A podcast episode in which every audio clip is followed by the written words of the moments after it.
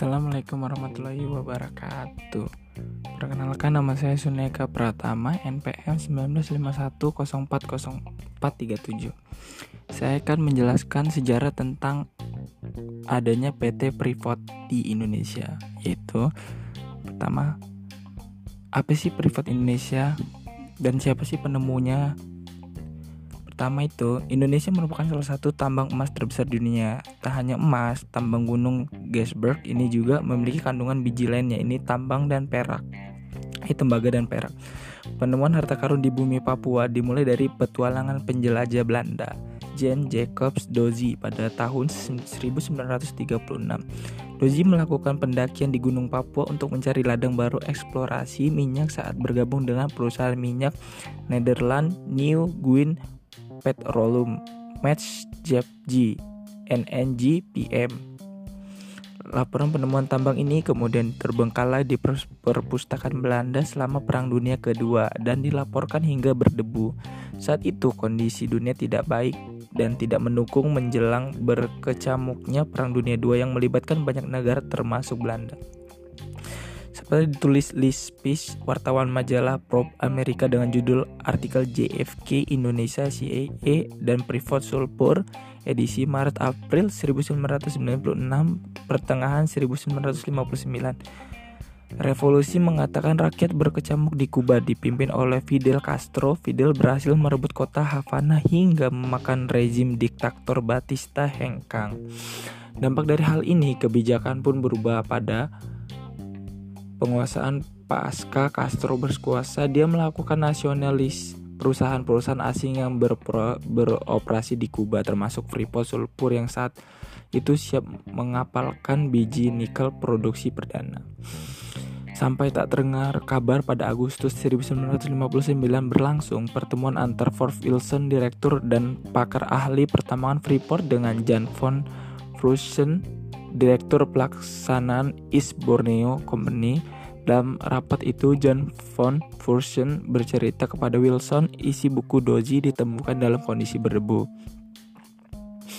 Wilson kemudian tertarik dengan laporan Doji soal gunung tembaga itu. Berbekal buku tulisan Doji, Wilson dan rombongan pada Februari 1960 mengunjungi lokasi tambang Papua. Rombongan ekspedisi ini dibantu oleh suku setempat untuk menjelajahi wilayah pegunungan itu. Hasil penelusuran dituangkan dalam buku Conquest of Copper Mountain.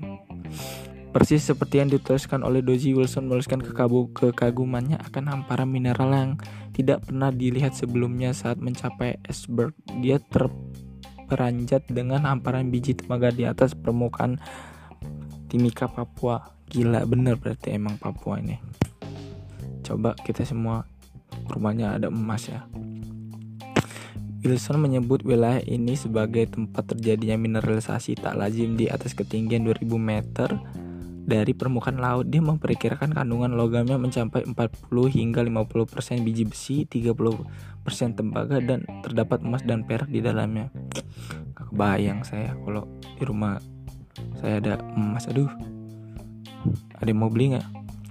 Berserang beberapa waktu kemudian, Wilson melaporkan lewat kabel temuan itu kepada Presiden Freeport Bob Hill di New York, New York, Amerika Serikat. Dia menyebut dari areal 14 hektar hanya satu hektar tanpa biji tembaga, sedangkan kedalaman baru mencapai 100 meter.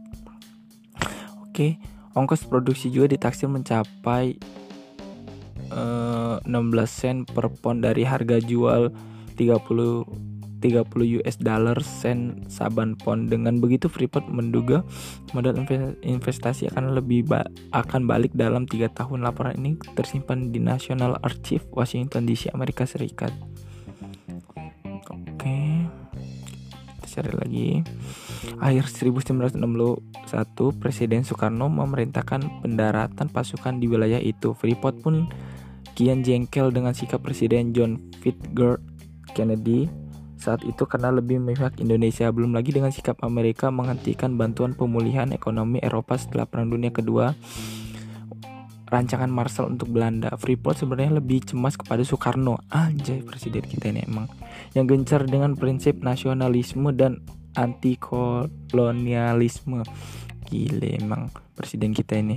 Nggak kayak yang matiin mic Perserikatan Bangsa-Bangsa atau bisa disebut PBB selanjutnya turun tangan dan akhirnya memutuskan pem membentukkan pemerintahan transisi di Irian Barat. Kemudian diadakan penentuan pendapatan rakyat PPRA pada 1969 untuk memutuskan apakah rakyat Papua akan memilih bergabung dengan Indonesia atau belum. Dalam laporan Lisa dua tahun sebelum PPRA, Freeport sudah mendapatkan kontrak karya pertama pada 50 April 1967 50 April Perjanjian bisnis ini berlaku 30 tahun dan bisa diperpanjang. Lisa juga menemukan Freeport melakukan berbagai macam cara untuk mendapatkan izin perpanjangan kontrak karyanya. Oke, kita singkat aja.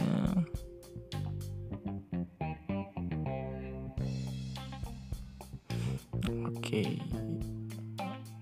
Intinya melal eh, oke, sabar belum belum belum mereka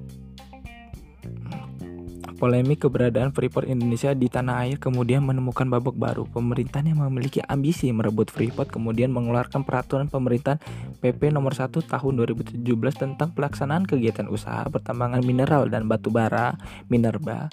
Intinya melalui aturan ini pemerintah membuka peluang perusahaan tambang untuk ekspor konsentrat dengan syarat mengubah status kontrak karya KK menjadi IUPK selain itu harus tetap membayar biaya biaya biaya, biaya keluar bisa disebut biaya cukai ya salah satu perusahaan yang pada awal getol menolak aturan ini adalah Freeport Indonesia Presiden dan CEO Freeport MC Moran Inc. Richard C. Ad Adek secara resmi menolak keputusan pemerintah yang mengubah status kontrak karya menjadi izin usaha pertambangan khusus IUPK. Oke.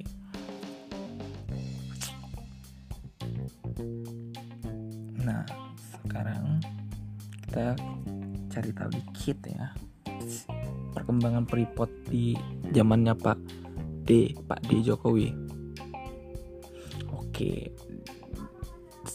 Di masa jabatan Jokowi, Presiden Jokowi menegaskan bahwa saham PT Freeport Indonesia sudah dikuasai Indonesia sebesar 51%. Apa keren.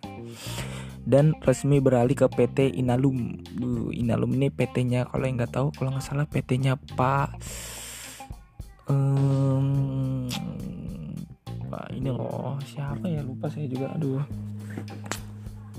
PT-nya itu Pak Sin eh Cina ada lagi. Bapak itu loh siapa ya Bapak itu namanya ya?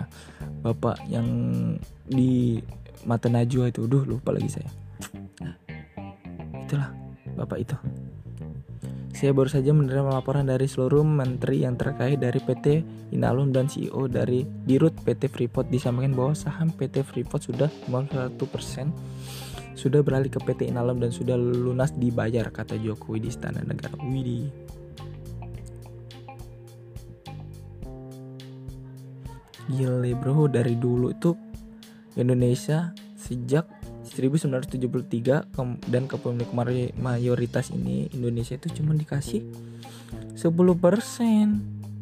gila. Gila gila gila gila gila, gila. sabar ibu Pak siapa yang punya inalum teh ya? Lupa saya aduh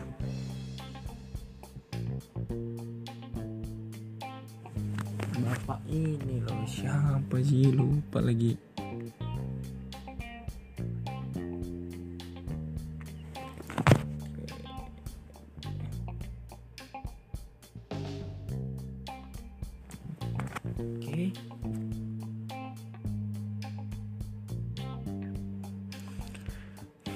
Perusahaan afiliasi Privat McMoran Copper and Gold Inc. PT Privat Indonesia jenis PMA Industri Pertambangan. Kantor pusatnya di Kuala Kenca, Kabupaten Mimika, Provinsi Papua, Indonesia. Toko kuncinya Tony Wenas, Direktur Utama. Richard Carr Adakson, Presiden Komisaris. Widih.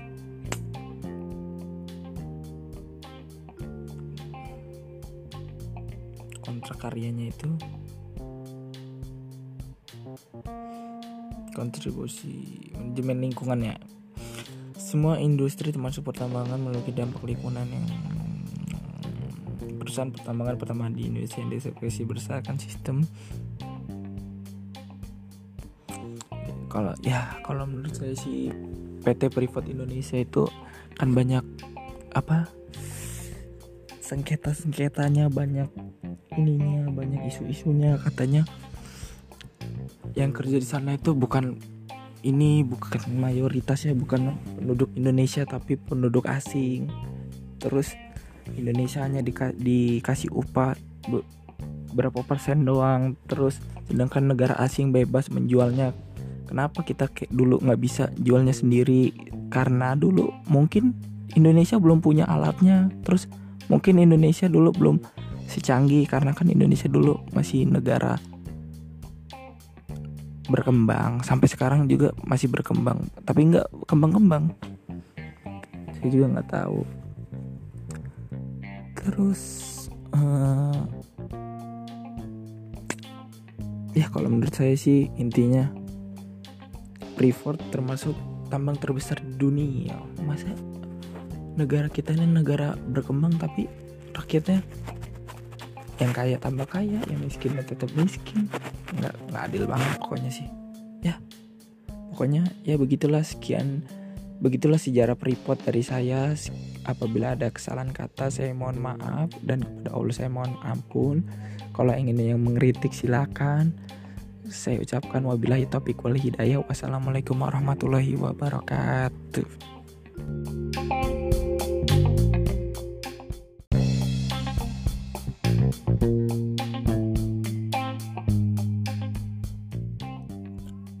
Assalamualaikum warahmatullahi wabarakatuh. Perkenalkan nama saya Suneka Pratama NPM 1951040437 Saya akan menjelaskan sejarah tentang adanya PT Privat di Indonesia yaitu pertama apa sih Privat Indonesia dan siapa sih penemunya pertama itu Indonesia merupakan salah satu tambang emas terbesar di dunia. Tak hanya emas tambang gunung Gasberg ini juga memiliki kandungan biji lainnya ini tambang dan perak. Ini tembaga dan perak. Penemuan harta karun di bumi Papua dimulai dari petualangan penjelajah Belanda Jan Jacobs Dozy pada tahun 1936. Dozy melakukan pendakian di Gunung Papua untuk mencari ladang baru eksplorasi minyak saat bergabung dengan perusahaan minyak Nederland New Guin Petroleum Match G NNG PM. Laporan penemuan tambang ini kemudian terbengkalai di perpustakaan Belanda selama Perang Dunia Kedua dan dilaporkan hingga berdebu. Saat itu kondisi dunia tidak baik dan tidak mendukung menjelang berkecamuknya Perang Dunia II yang melibatkan banyak negara termasuk Belanda. Seperti ditulis Liz Peace, wartawan majalah Probe Amerika dengan judul artikel JFK Indonesia CAE dan Privat Sulpur edisi Maret-April 1996 pertengahan 1959 Revolusi mengatakan rakyat berkecamuk di Kuba dipimpin oleh Fidel Castro. Fidel berhasil merebut kota Havana hingga memakan rezim diktator Batista hengkang. Dampak dari hal ini, kebijakan pun berubah pada penguasaan pasca Castro berkuasa. Dia melakukan nasionalis perusahaan-perusahaan asing yang berpro, beroperasi di Kuba termasuk Freeport Sulfur yang saat itu siap mengapalkan biji nikel produksi perdana. Sampai tak terdengar kabar pada Agustus 1959 berlangsung pertemuan antar Ford Wilson, direktur dan pakar ahli pertambangan Freeport dengan Jan von Frusen, direktur pelaksanaan East Borneo Company. Dalam rapat itu, Jan von Frusen bercerita kepada Wilson isi buku Doji ditemukan dalam kondisi berdebu. Wilson kemudian tertarik dengan laporan Doji soal Gunung Tembaga itu. Berbekal buku tulisan Doji, Wilson dan rombongan pada Februari 1960 mengunjungi lokasi tambang Papua. Rombongan ekspedisi ini dibantu oleh suku setempat untuk menjelajahi wilayah pegunungan itu. Hasil penelusuran dituangkan dalam buku Conquest of Copper Mountain. Persis seperti yang dituliskan oleh Doji Wilson menuliskan kekagumannya akan hamparan mineral yang tidak pernah dilihat sebelumnya saat mencapai iceberg. Dia terperanjat dengan hamparan biji tembaga di atas permukaan Timika Papua. Gila bener berarti emang Papua ini. coba kita semua rumahnya ada emas ya Wilson menyebut wilayah ini sebagai tempat terjadinya mineralisasi tak lazim di atas ketinggian 2000 meter dari permukaan laut. Dia memperkirakan kandungan logamnya mencapai 40 hingga 50% biji besi, 30% tembaga dan terdapat emas dan perak di dalamnya. Gak kebayang saya kalau di rumah saya ada emas. Aduh.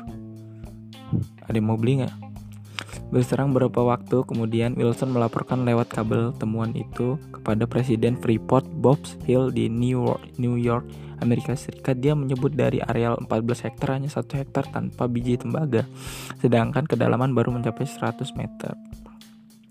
Oke, ongkos produksi juga ditaksir mencapai eh, 16 sen per pon dari harga jual 30 30 US dollar sen saban pon. Dengan begitu Freeport menduga modal investasi akan lebih ba akan balik dalam tiga tahun. Laporan ini tersimpan di National Archive Washington DC Amerika Serikat.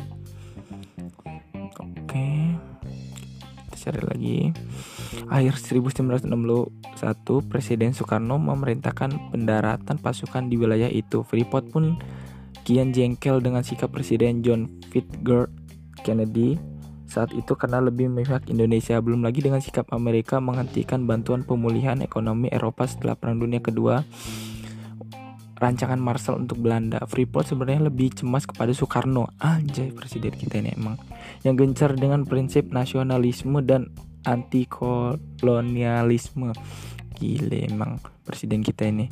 Nggak kayak yang matiin mic Perserikatan Bangsa-Bangsa atau bisa disebut PBB selanjutnya turun tangan dan akhirnya memutuskan pem membentukkan pemerintahan transisi di Irian Barat. Kemudian diadakan penentuan pendapatan rakyat PPRA pada 1969 untuk memutuskan apakah rakyat Papua akan memilih bergabung dengan Indonesia atau belum. Dalam laporan Lisa dua tahun sebelum PPRA, Freeport sudah mendapatkan kontrak karya pertama pada 50 April 1967 50 April Perjanjian bisnis ini berlaku 30 tahun dan bisa diperpanjang. Lisa juga menemukan Freeport melakukan berbagai macam cara untuk mendapatkan izin perpanjangan kontrak karyanya. Oke, kita singkat aja.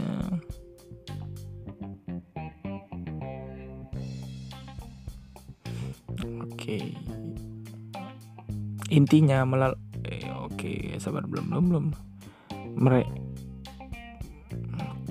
Polemik keberadaan Freeport Indonesia di tanah air kemudian menemukan babak baru. Pemerintahan yang memiliki ambisi merebut Freeport kemudian mengeluarkan peraturan pemerintahan PP nomor 1 tahun 2017 tentang pelaksanaan kegiatan usaha pertambangan mineral dan batu bara Minerba.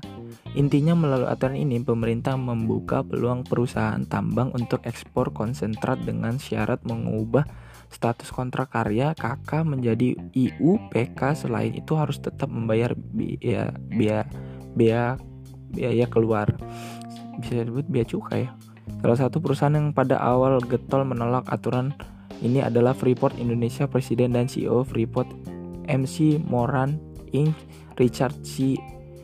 Ad Adek Atkerson secara resmi menolak keputusan pemerintah yang mengubah status kontrak karya menjadi izin usaha pertambangan khusus IUPK. Oke.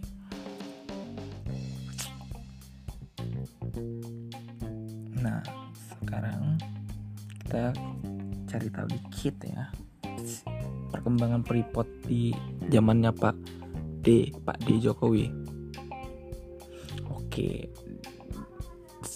Di masa jabatan Jokowi, Presiden Jokowi menegaskan bahwa saham PT Freeport Indonesia sudah dikuasai Indonesia sebesar 51%. Apa keren. Dan resmi beralih ke PT Inalum. Uh, Inalum ini PT-nya kalau yang nggak tahu kalau nggak salah PT-nya Pak um, Pak ini loh siapa ya lupa saya juga aduh PT-nya itu Pak Sin eh Cina ada lagi. Bapak itu loh siapa ya Bapak itu namanya Bapak yang di mata Najwa itu. Duh lupa lagi saya. Nah, itulah Bapak itu. Saya baru saja menerima laporan dari seluruh menteri yang terkait dari PT Inalum dan CEO dari Dirut PT Freeport. Disampaikan bahwa saham PT Freeport sudah 51% sudah beralih ke PT Inalum dan sudah lunas dibayar kata Jokowi di Istana Negara. Widih.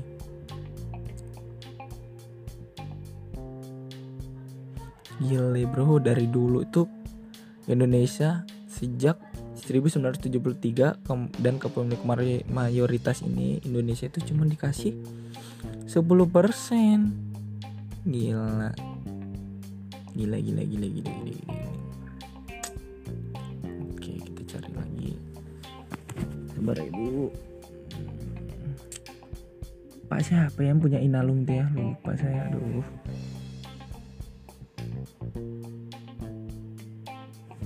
Bapak ini loh siapa sih? Lupa lagi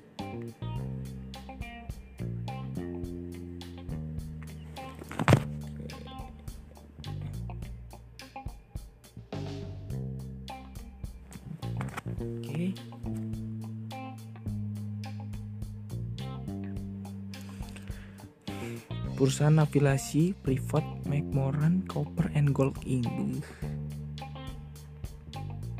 PT Freeport Indonesia jenis PMA Industri Pertambangan. Kantor pusatnya di Kuala Kenca, Kabupaten Mimika, Provinsi Papua, Indonesia. Toko kuncinya Tony Wenas, Direktur Utama. Richard Carr Adakson, Presiden Komisaris. Widih.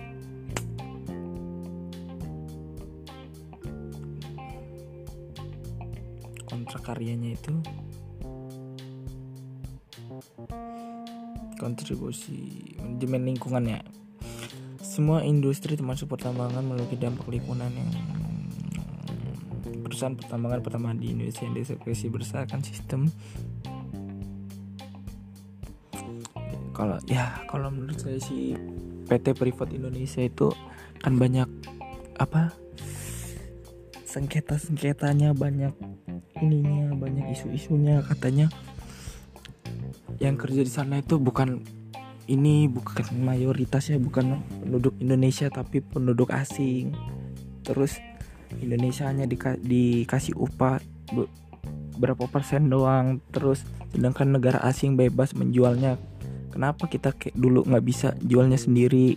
Karena dulu mungkin Indonesia belum punya alatnya. Terus mungkin Indonesia dulu belum secanggih karena kan Indonesia dulu masih negara berkembang. Sampai sekarang juga masih berkembang. Tapi nggak kembang-kembang. Saya juga nggak tahu. Terus uh, ya kalau menurut saya sih intinya Freeport termasuk tambang terbesar di dunia. Masa negara kita ini negara berkembang tapi rakyatnya yang kaya tambah kaya yang miskin tetap miskin. Nggak nggak adil banget pokoknya sih. Ya pokoknya ya begitulah sekian begitulah sejarah Freeport dari saya. Apabila ada kesalahan kata saya mohon maaf dan kepada Allah saya mohon ampun. Kalau ingin yang mengkritik silakan. Saya ucapkan wabillahi taufiq wal hidayah. Wassalamualaikum warahmatullahi wabarakatuh